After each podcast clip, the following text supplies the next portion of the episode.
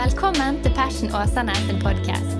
Vi har en ung og levende kirke i Åsane bydel i Bergen som ønsker å lede mennesker til lidenskapelig tro og overgivelse til Jesus, kirken og oppdraget.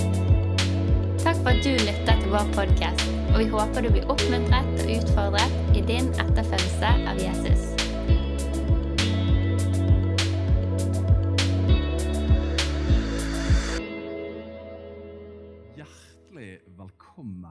Alle sammen. Nå har jo det allerede blitt sagt, men veldig stas å se dere. Og særlig de av dere som er med i et eh, holder på å si dåpsfølge, men det er jo ikke helt korrekt her i persen. Men de som er med i barnevelsignelsesfølge, ekstra velkommen til dere. altså. Har vi det greit i dag, eller? Tåler greit? Så bra.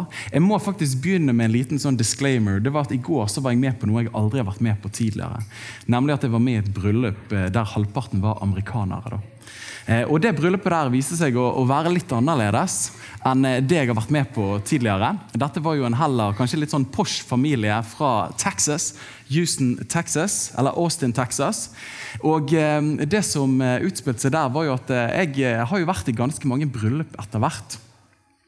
Men eh, jeg er jo ikke vant til eh, å bli servert alkohol i eh, et bryllup. Så dette, det som skjedde der, var at det står jo alltid i kristne bryllup står jo det alltid sånn Herljunga-sider klart når du skal komme. Og det sto jo sånne glass der klart til at vi skulle komme. Så jeg tok jo den med stor frimodighet. Og for de som kjenner min bakgrunn, så er jo det to ting vi har tatt med oss. Det er at vi er glad i Jesus, og så tror vi at djevel bor i flasken. Så det at, jeg merket jo i det at jeg smakte på det, så begynte det å brenne i munnen min og tenkte at dette var noe annet enn Helgunger fra Europris. Eh, Så det at jeg bare sto sånn i et par minutter og så jeg litt sånn villredd rundt meg. Er det toalett her et eller annet sted? Eh, Så da løpte jeg på et bakrom og fikk spyttet det ut. Og nå er ikke det det at du ikke har lov til å drikke hvis du er kristen, men jeg vet det at hvis jeg skal arve noe, så kan jeg ikke ta inn en dråpe. Eh, Så dette, sånn ble det for meg akkurat der, da. Så dette, det var en sterk opplevelse i går, men det gikk tålelig greit. Eh, Så dette, Jeg håper at du har det bra, at du ikke har fått bekreftet alle mørkemannfordommene dine. Men jeg har altså ikke vokst opp med altfor mye promille, så det var artig. De kunne danse, de amerikanerne der. og Jeg vet ikke hvorfor, men eh, om det var det ene eller det andre som var forårsaket det. Men eh, det var god stemning i hvert fall. Men jeg er her uberuset, i hvert fall. Så det er veldig bra. Men du, utrolig, utrolig stas. Og i løpet av disse øyeblikkene her så gleder jeg meg til å kunne få lov til å dele Guds ord med oss som forsamling, men òg med gjester som er her i dag. Sånn som Helene sa, så blir det neste søndag som er visjonssøndag. Da kommer vi til å preke enda mer DNA i kirken vår. Så dette, hva snakker vi om i dag, da? Før vi er i en prekenserie? Jo, helt enkelt, vi snakker om han som er hovedpersonen i den kristne troen, Jesus Kristus. Og tror at det skal bli til oppbyggelse for de som tror mye. Og hvis noen ikke tror så mye, så håper jeg at det skal bli til ettertanke og få lov til å inspirere. Da. Men jeg har lyst til å dele en historie med dere før vi kommer der. Og det er at eh, nå i uken så var, så var jeg på en prekenturné på Sørlandet. Det er jo sånn herlig når vi har nesten bedre vær i Bergen enn det man har der nede. I hvert fall de siste dagene. Men så går jeg på møte på onsdagskveld og preker der, og så kommer det en jente til meg etterpå. Så stiller hun seg foran meg, og så ser hun på meg, og så sier hun eh, 'Husker du meg?'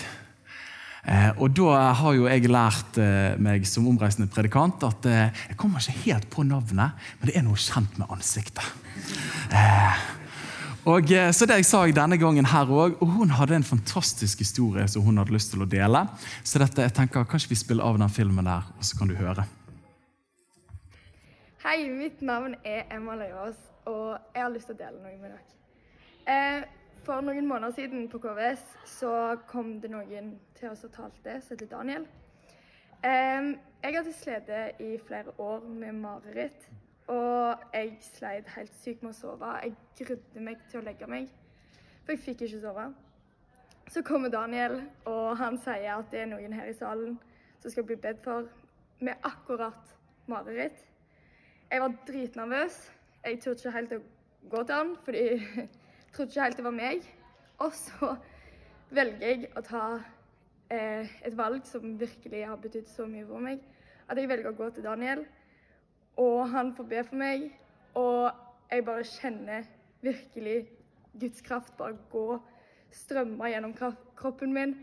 Og alle mareritt etter det har bare vært helt vekke. Og nå kan jeg legge meg med et smil, for jeg vet at jeg våkner ikke opp med et mareritt. Fordi Gud har tatt det vekk. Er ikke det fantastisk? Ah, kom an, Jesus. Det gjorde så inntrykk på meg. For dette, når hun fortalte historien, så husker jeg tilbake. Det var I slutten av april så var jeg og besøkte en kristen videregående. Og Så kom det en venninne av hun fram til meg med en telefon og sa at jeg har en venninne som sliter med mareritt. Og så tenkte jeg, eh, og så sa hun kan du be inn i telefonen, her, for hun tør ikke å komme fram til deg. Så jeg var klar for å gjøre det, men til slutt så kom hun. Jeg tror jeg ba faktisk, og så til slutt kom hun. da. Og helt skjelven. Så fikk jeg lov til å be for henne. Og så kom hun her nå for noen dager siden, strålte oppreist og sa at jeg har hatt mareritt sånn som jeg forsto det, hver natt i mange år. Og jeg pleier å legge meg to-tre-tiden for å sove minst mulig. Men siden den kvelden har jeg ikke erfart noen ting. Er ikke det fantastisk? Det er den Jesus vi får lov til å tro på. altså. Jeg kjenner jeg blir i godt humør av akkurat det. Amen. Du, I dag så skal vi ta og sparke ut fra Matteus det 16. kapittelet. Og Bakgrunnshistorien her er at Jesus er et sted som heter Cesarea Filippi. Eh, jeg var der en gang i andre klasse på videregående. husker ikke så veldig mye. Men der var Jesus med sine disipler, leser vi om i Matteus 16. Og Der stiller han de spørsmål, og så sier han hvem er det folk sier at jeg er? Hva er det de skriver på Twitter og TikTok for tiden om at jeg er? Og så sier de litt forskjellige ting. Noen sier at du er en profet, noen sier at, eh, at du er bare tull og hamburg, og noen sier at det er interessant det du kommer med. Og så sier han ja, ok, greit nok det, men, men hvem, sier, hvem sier dere at jeg er? Og så har Peter sitt mest lysende øyeblikk i løpet av hele evangelieberetningen. Så sier han du er Kristus, den levende Guds sønn. Og det er jo liksom høydepunktet til Peter. Og da eh, da går det litt videre der. Og etter hvert i teksten der så tar Jesus og broderer ut hva betyr det at noen sier at han er Kristus, den levende Guds sønn. Hva betyr det hvis du skal være en kristen og en etterfølger av han? Her kommer vår tekst. og Da står det Da sa Jesus til disiplene sine.: Hvis noen vil komme etter meg, må han fornekte seg sjøl. Ta sitt kors opp og følge meg. For den som vil frelse sitt liv, skal miste det. Men den som mister sitt liv for min skyld, skal finne det. Dette er jo velkjente ord for flere av oss. Og jeg har valgt å kalle de ordene jeg skal dele i dag, for kontraintuitivt. Og når jeg sa det ordet der, så så jeg et par blanke øyne her inne. Eller ikke pga. du ble rørt, men på grunn av at, hva betyr egentlig det? Veldig godt spørsmål. Jeg lærte det for noen måneder siden sjøl, så det er ganske nytt. Men helt enkelt, kontra betyr jo det motsatte av noe. Intuitivt er jo det som faller naturlig for oss. Med andre ord det motsatte av det som faller naturlig for oss. Og Jeg har lyst til å snakke ut ifra dette. Så Herre, vi ber i løpet av de øyeblikkene her, vil du ta og åpne ditt ord for oss, sånn at det kan ta og røre ved oss og tale til oss. I Jesu navn. Amen. Kontraintuitivt. Kontraintuitivt. Når jeg hører dette ordet her, og jeg tipper at flere med meg, så er det noe i meg som har lyst til å rope undertrykkelse. Jesus sier at hvis noen skal komme etter meg, så må han fornekte seg sjøl, ta opp sitt kors og følge meg. Hvis det er én ting vi lærer i det samfunnet vi er en del av i dag, så er det at du må være sjef i eget liv. Ikke la andre fortelle deg hvordan du skal leve. Og jeg husker når jeg gikk opp på Tertnes barneskole, her, så synes jeg vi sang en sang. Er ikke et eller annet sånt som går som følgende eh, Tenke sjøl og mene måtte stå for det man sa. Og Det er jo noe sant med det. Men det er òg hele den vestlige ideologien og forståelsen av menneskelivet. Det at det ikke la andre fortelle deg hvordan du skal leve livet ditt. Du må bestemme sjøl. Og Hadde vi tatt en mikrofon ut på gatene i dag og spurt mennesker som ikke deler den kristne troen, hvorfor ikke de vil tro, så tipper jeg det ganske mange argumenter de hadde løftet opp. Men jeg tror et av hovedargumentene hadde vært at ikke sjans at jeg skal leve mitt liv etter bud og regler fra en bok fra en fjern fortid. Det skjer bare ikke. Er ikke vi enige i det? Og Har ikke vi hørt det før? At Hvorfor skal jeg la en gammel, antikk bok, og ikke minst en gud der borte, styre hvordan jeg lever? Mitt liv. Og jeg må si intuitivt, her har vi det, vet du, så forstår jeg den argumentasjonen veldig godt. For Vi har jo ikke lyst til at noen skal kontrollere oss. Vi syntes jo det var slitsomt idet vi kom hjem fra skole, og så sa mor og far nå skal du gjøre lekser. Jeg har ikke lyst til å gjøre lekser. Nå må du gjøre lekser. Jeg vil ikke. Nå må du gjøre lekser. Ok.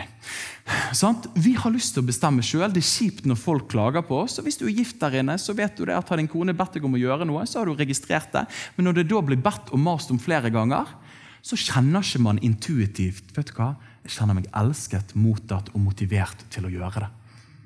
Det var et ekteskapstips akkurat der. Men av og til trenger vi det. Og I syvende klasse, da hadde jo jeg vokst opp, og flere av dere kjenner jeg, eh, så syns jeg den kristne troen ble mer og mer krevende. Og En av hovedargumentene var akkurat det at hvorfor skal jeg gjøre alle disse tingene og leve etter disse reglene når kompisene ikke tenker på det i det hele tatt?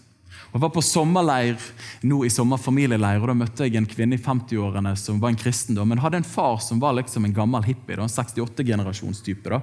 Veldig syk og skral, og hun sa at det er et under at han lever. Han skulle vært død for 30 år siden.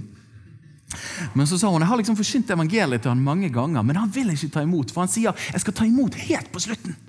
Liksom Siste dagen da skal jeg si yatzy, bingo, jackpot, Jesus. Jeg er klar, liksom. Men fram til da så vil jeg bestemme sjøl.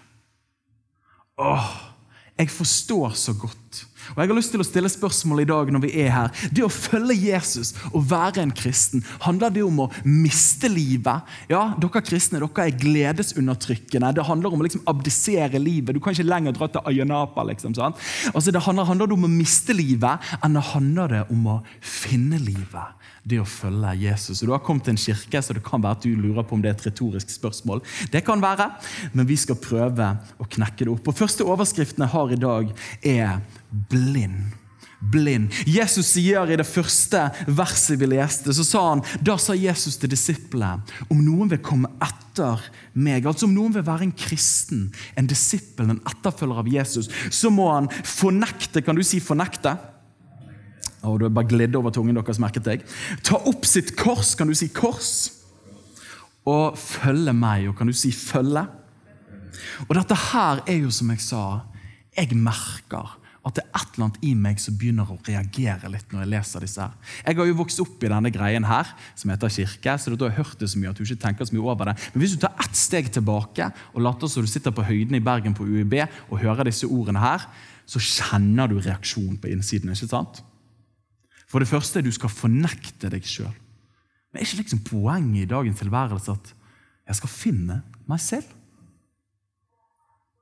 Og Jeg pleier å ta det på østlandsk, for det bare, det bare klinger bedre. Vi skjønner hva vi mener, alle sammen. sant? Eh, jeg må finne meg sjøl. Jeg må ta opp mitt kors. Og hva var et kors på den tiden? der? Det var jo torturredskap. Det var jo dødsdommen. Hva er det Jesus sier? Jesus sier at skal du komme etter meg, skal du være kristen, skal du ha sånn What would Jesus do-armbånd på så må du ta opp liksom døden din. Ja, det høres jo veldig fint ut. Handler ikke det om å etterjage det gode livet? Og Så sier han til slutt og så må du følge meg. Ja, Men skal ikke jeg følge mitt eget hjerte? Merker dere hvordan dette her er så utrolig motstrøms? Og Når du leser disse tingene her, så rykker det litt grann i oss. Og jeg merker, når jeg hører dette her, at jeg tenker intuitivt, og mange av oss tenker intuitivt. Jeg vil ikke leve under de begrensningene, for jeg vet best sjøl. Og her er dermed det første stikkordet blind. For jeg har lyst til å si vi tror i hvert fall at vi vet best sjøl hva som tjener oss vel. Og jeg tenker at Noe av min argumentasjon når jeg i slutten av 7. klasse bestemte meg for at det de holder på med, de søndagsskolestjernene jeg har fått i kort, og sånt, altså det der greiene der, altså. Å høre på Arne Sylta undervise ungdomsalfa, greit nok, liksom, men jeg vet ikke om jeg takler mer av det der. Og hva var tingen der? Jo, for jeg tenkte intuitivt når jeg reflekterer jeg vet best hva som er bra for meg, og du, Gud, holder noe tilbake for meg som er godt, virker det som. Men når jeg tenker etter, er ikke dette selve urløgnen og sønnen? Idet våre forfedre leser i bibelboken Adam og Eva, de går der i eden, sømmeløs og fin og har det bra. Så kommer vi til det tredje kapittelet, og så kommer denne slangen som er et bilde på djevel. Og så sier han til Eva, så sier han, du, eh, har Gud virkelig sagt dere har ikke fått lov til å spise av det treet der? Og Så svarer hun korrekt. Hun hadde lest sin katekisme, hadde stått konfirmasjon, så hun svarte presist. Men så kommer den onde, og så sier han til henne og hør på det, det her.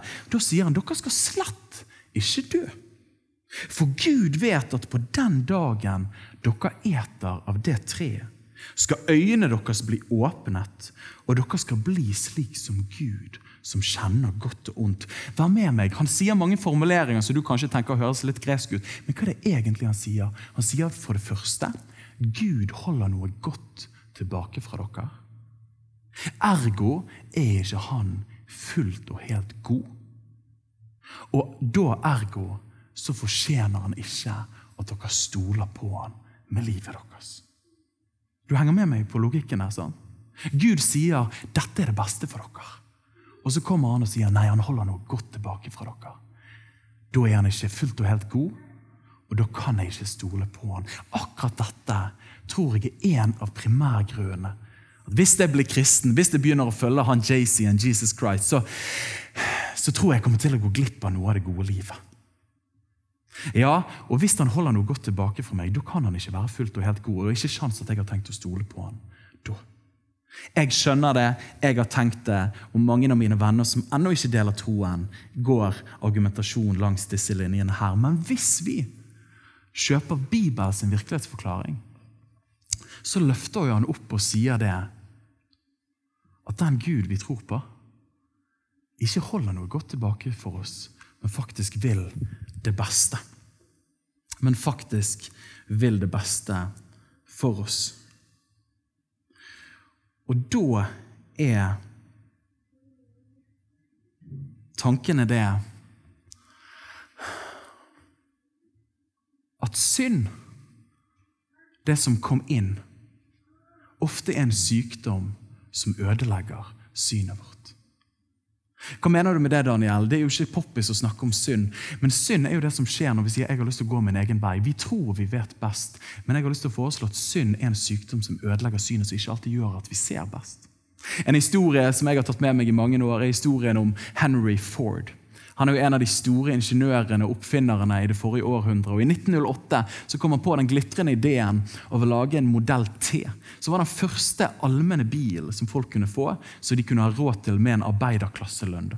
Og så går det en historie, eller Han kommer i 1908, og så i 1914 har de 50% av det amerikanske bilmarkedet. Altså en suksesshistorie. da. Og Så går historien om en ung familie der de endelig har klart å spare nok penger til å få denne familiebilen. da. Så hiver de ungene og en katt og en gullfisk oppi bilen der, og så drar de på piknik en søndag. Og Så tar de ut piknikteppet, sånn som det bare er i USA. Og Så spiser de piknik, og så er det god stemning. Og så sier mannen babe, we're going home, it's work tomorrow. Så dette, Da sitter de seg i bil, og så skal han starte denne kjerren. Så får han ikke fyr på den. Og han bare 'slapp av, baby, I'm gonna fix this'. Og Så går han opp i motorrommet og så later han som han kan noe, og så får han ikke fyr på denne bilen. der da. Og Så går det en eldre herremann ved siden av og ser litt på. oss. Til slutt går han bort og så spør han, kan jeg få lov til å prøve å se om jeg får fyr på denne kjerren. Så sier han unge mannen du, jeg tror ikke det er noe hjelp. altså. Dette her er en modell T. Og du har nok vokst opp med hest og kjerre og esel og ekorn. Så dette, dette her har nok du ikke helt kontroll på. Og Så sier han neimen, neimen, vær så snill, kan ikke jeg få lov til å prøve? Og Så sier han jeg har jo ikke noe å tape, så han tillater han mannen å gå bort og skru litt på bil. og Så går det under et minutt, og så er det vun, vun, vun, vun. Veldig god lydeffekt. Og Så sier han kan jeg bare, bare tillate meg å presentere meg sjøl. Jeg, jeg heter Henry Ford. Og Det er jo en magisk historie, og vi kjenner det ondt på innsiden. Ikke sant? Dette er forståelsen, har jeg lyst til å påstå, når det kommer til den kristne troen. At vi tenker vi vet best sjøl ofte. Men kan det være at de bud og de regler som Gud løfter opp, ikke er for å være kjip, men pga. at han har noe bedre for oss? Det leder videre til det neste stikkordet, nemlig det kontrasten til å være blind er å se. Kontrasten til å være blind er å se. Og Når jeg tenker på det å få øynene åpnet, så er det én historie som kommer til meg fremfor alle andre historier. og Det er Lukas det 15. kapittel. Den mest kjente historien Jesus forteller. Han forteller historien om de to sønnene som har en pappa, en faffa, med masse penger. Og Så sier han ene så sier han, 'Faffa, kan jeg få arven min?' For jeg har lyst til å leve mitt liv. Jeg har lyst til å gå min egen vei. Jeg har ikke lyst til å leve under begrensningene dine. Jeg har lyst til å dra til Kos og Ayanapa og Do My Stuff. Og Nå er ikke jeg negativ til de tingene, jeg elsker det. Eh, men han hadde lyst til å eller jeg elsker stedene. Altså, bare presiserer, Jeg elsker ikke alt som finner sted på de stedene. akkurat som jeg ikke elsker alt som skjer i Åsane. Men han drar til et land langt borte og han tenker at nå lever jeg drømmen. Jeg er borte fra fars begrensninger. Men etter at pika, vin og sang er over og middelet er tom, så står det at han får seg en jobb i en grisegård. Og Så sitter han der, og så leser vi at mens han sitter der, kom han til seg sjøl. Med andre ord, han kom til seg sjøl.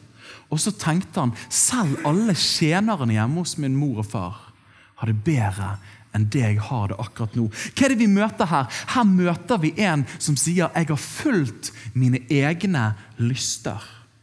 Men de tok ikke og tilfredsstilte mine dypeste lengsler. Og det er mitt poeng, at dine sterkeste lyster er ikke alltid samsvarende med dine dypeste lengsler. Er vi enige med det? Og det når Jesus da sier liksom fornekte seg sjøl, ta opp sitt kors og følge meg Jeg reagerer, jeg vil ikke det. Jeg vil bort fra farshuset. Jeg vil ikke leve under disse begrensningene her. Jeg vet best sjøl. Og så er det Ja, men er det sikkert? At våre sterkeste intuisjoner alltid er det beste for oss. Derav kontraintuitivt. For våre sterkeste lyster er ikke alltid det som samsvarer med våre dypeste lengsler. En artig historie rett før sommerferien er at vi holder på å bygge på huset vårt nå. og Så har vi hatt stillas rundt huset vårt i altfor mange måneder. Og Så var det en dag der vi hadde folk på besøk, og så hadde tømreren glemt jeg bare skylder på tømreren, hadde glemt å ta opp stigen til stillaset. Eh, og Jeg har jo tre intense velsignelser, men han i midten er litt mer intens. Så han ser at den stigen er nede. Han har sett nok på brannmannsam og kjenner at this is his moment. Eh, så dette, Han løper mot den stigen der, og jeg og Helene er i egne tanker. Og han har noen veldig sterke lyster i det øyeblikket der. I'm gonna go to top of the stillas and I'm gonna run and see what happens. Eh, så han var på vei opp der og på vei mot enden av stillaset, den høye delen av huset, der det er seks meter rett ned. Eh, og Så ser jeg etter hvert hva som skjer. Og hva skjer da? Jo, så Da rekker ikke man å tenke så mye. Så jeg bare løper etter han, og heldigvis får jeg fatt i han før han får realisert sine lyster. Men hva skjer der? Hans lyster sier det virker sykt fekt å gå på det stillaset, og særlig bort til den høye delen. Men hans dypeste lengsler, som han ikke alltid er helt kontakt med, er jo mest sannsynlig at han har lyst til å konfirmere seg en dag, og lyst til å få en kone, og lyst til å få syv barn og lyst til å bosette seg i Åsane. Det er jo mest sannsynlig det han lengter etter. Men hans lyster er sterkere i øyeblikket. Er dere med meg? Og Jeg prøver bare å fortelle at det er ikke alltid vi vet best sjøl, selv, selv om vi har studiepoeng. Jeg har tenkt på det. Noen sier vi vil ikke leve under de begrensningene. La oss løfte det opp. I møte med, sant? Her møter den kristne troen vår samfunn rett på hodet. Men i møte med sex, liksom. Kristen seksualetikk det er jo ikke akkurat et vinnerkort. Jeg var på Dagsnytt 18 for halvannet år siden, og jeg, jeg kjente jo ikke at her var jeg liksom majoriteten, for å si det sånn. Men så er jeg der, og så i møte med sex ja, men Jeg har ikke lyst til å leve under de begrensningene der. Jeg tror Det å leve ut sine lyster når det kommer til seksualitet, det er det som er meningen, det gode livet. Det blir jo det vi blir presentert med i dag. Men sorry, my friend. altså. Hvis ikke du har Jesus som sjef for ditt liv, så vil alltid noe annet være sjef for livet ditt. Nei, men jeg bestemmer sjøl. Sorry, du bestemmer faktisk ikke sjøl. Så hvis du tenker at det å leve ut alle seksuelle impulser det er meningen med livet, altså på et eller annet tidspunkt så er ikke du og meg så attraktive. Vi alle ender opp som svisker før eller siden. Sånn er det bare. Eller hvis du tenker at karrierejag det er det som er meningen med livet mitt. Du kan gønne på, og du kan ha så kul bil og låne pappas bil, og du kan fyre på, men så kommer det alltid en snørrunge fra Handelshøyskolen med en pappa som har litt flere penger og litt flere kontakter, og du ender opp på tredjeplass likevel. Så det Karrierejaget kommer ikke til å tilfredsstille på dypet. Og så kunne vi fortsatt å nevne status. jeg tenkte på det, at Hvis du er kjent Men det som er kjent i dag, er jo utrolig kleint i morgen. ikke sant? Og jeg må jo si Av og til når min mor og far eh, hører på liksom, når vi ser på TV, og så kommer liksom artister som var kule når de var kule, og de bare sier jeg bare så utrolig kult, liksom, Bobby Socks, come on, liksom. Og så sitter jeg der og bare tenker å herlighet, liksom. Det der er jo bare så 1800. Sant? Så det som, det som, er kult i går, det var litt slemt sagt, men vi skjønner hva vi mener. Sant? Men det som er kult i går, er ikke kult i morgen. Og Sommerkroppen kan du ha et år, men så får du barn, og så forsvinner den. Altså Greien er at Bygger du livet på de tingene, så er det et veldig skjørt grunnlag å bygge livet på. Og vi tenker at vi er frie. Poenget mitt er at vi alle bøyer oss for noe. Men jeg tror det er bare én å bøye seg for, som faktisk leder til et godt liv, og det er Jesus Kristus. Jeg synes det Bildet her fra Asker var helt glitrende. Dette er da fire gutter. Det er viktig å finne sin egen stil, mente gutter ved en skole i Asker der de ble spurt om hva de syntes som skoleuniform. Jeg er bare helt enig. Arbeiderpartiet syntes det var litt for mye snobbete klær, så de ville ha skoleuniform. Og det syntes ikke disse Asker og Bærum-guttene var helt greit. da. Ikke sant? For jeg er helt fri og har valgt min egen stil. Ja, jeg ser det. Du er helt fri, upåvirket. Du har valgt din egen vei i livet. Utrolig sterkt. Skriv en bok. Alle har flippings Canada Goose-jakke, hele gjengen. Hva er poenget mitt? Vi alle bøyer oss for noe. Spørsmålet om det du bøyer deg for, er noe som frigjør deg eller ikke. Og jeg har sagt det sånn som dette her, at Gud har et større ja enn nei. Og mange av oss, når vi hører Jesus sier disse tingene, fornekter seg sjøl til opp sitt kors. Følge meg. Altså Han sier bare nei, nei, nei til liv. Men hva om vi snur det? Hva om han egentlig sier ja til det beste? Men så sier han implisitt òg Hvis du sier ja til å være med noen, på et klokkeslett, så sier du òg indirekte nei til å være med noen andre. Så hva om vi bør bli bedre på å løfte opp det faktisk Gud sier ja til? Derfor nei. Av at han vil det beste for oss. Jeg sa nei til Jakob til å løpe i stillaset pga. at jeg sa ja til noe bedre, nemlig at du skal få leve. Og det er den kristne troen. Et bilde som har betydd noe for meg, er dette gullfiskbildet her. Er noen som husker Rema 1000-reklame? Doffen har daua. Nei. Det var en sterk reklame. Men uansett denne fisken her? I, I, vårt samfunn i dag så snakker vi om frihet. Sant? Det store ordet er frihet, liberty, freedom. og Hvis det er på tysk, er det fem år med det, men freiheit, hvis jeg ikke tar feil. Sant? Det er det store stikkordet i vår samtid. Men hvis denne fisken her sier jeg drømmer om å være fri, jeg liker ikke å være begrensa, jeg har lyst til å bare hoppe ut og bolle her og leve livet, liksom. Og så tar han fart, og så hopper han ut av denne gullfiskbålen. Og så ligger han på bordet ved siden av. Tror du han bare tenker dette er livet. Endelig er realisert. På ingen måte! Han kommer til å dø! Hva er greien? Frihet er jo ikke fravær av begrensninger. Frihet er jo å leve under de riktige begrensningene som samsvarer med din natur. Så frihet for fisken er jo å bo i det vannet der med den rette prosentandelen av oksygen. Frihet for deg og meg er faktisk å ha noen begrensninger og ikke bare døgne den hele tiden. Det er poenget mitt. Så Når da Jesus kommer og sier du, si nei til noen ting og si ja til noe annet, så er ikke det for å være kjip, men det er for å være kjærlig. Han vil åpne våre øyne, som ofte er blinde, sånn at vi kan se hva det beste er for oss. Så Nå skryter jeg litt av å følge Jesus, men jeg syns denne studien her fra Barna Research Group Her ser vi det veldig dårlig. da. Han var litt for liten. Men de har forsket på mennesker som har en tro på Jesus. Og så er det den oransje det er den høyeste. Hvis ikke så hadde jeg ikke vist den. Eh, men der står det jeg er fornøyd med vennene jeg har. altså en ungdomsstudie. Høyere prosentandel blant mennesker som søker å følge Jesu lære. Jeg føler at andre bryr seg om meg, erfarer flere folk i livet. Jeg føler meg forstått av foreldrene mine. Jeg er håpefull om framtiden min. Se på den, da. Jeg er håpefull om framtiden min. Er ikke det kult? Jeg er fornøyd med meg sjøl. Jeg opplever at det betyr noe for andre. Jeg er fornøyd med livet mitt. Jeg opplever at andre på min alder behandler meg godt. Jesus sier da for den som vil frelse sitt liv, skal miste det. Men den som mister sitt liv for meg, skal finne det. Så da er spørsmålet det å følge Jesus, og være en kristen. Handler det om å miste livet? Eller handler det om å faktisk finne livet? Og Da har jeg lyst til å si begge deler. Det handler om å miste livet på den måten at jeg mister retten til å bare leve ut alle mine impulser og intuisjoner og lyster. Men det er jo en del av livet som jeg tenker egentlig vi er ganske fornøyd med å miste. Vi får en annen herre i livet vårt. Men så handler det òg om å finne livet. Når vi da sier 'jeg mekker ikke det på egen hånd'. Jesus, jeg har lyst til å leve under dine gode begrensninger. For jeg tror jeg ser, men jeg bare erkjenner at jeg ser faktisk ikke helt klart. Og Det tenker jeg er et av de fremste tegnene på modenhet. er jo det å kunne si at jeg, jeg erfarer at min virkelighetsforståelse er helt objektiv. Men så vet vi alle hvis vi er ærlige med oss selv, at vi ser ikke alltid helt klart.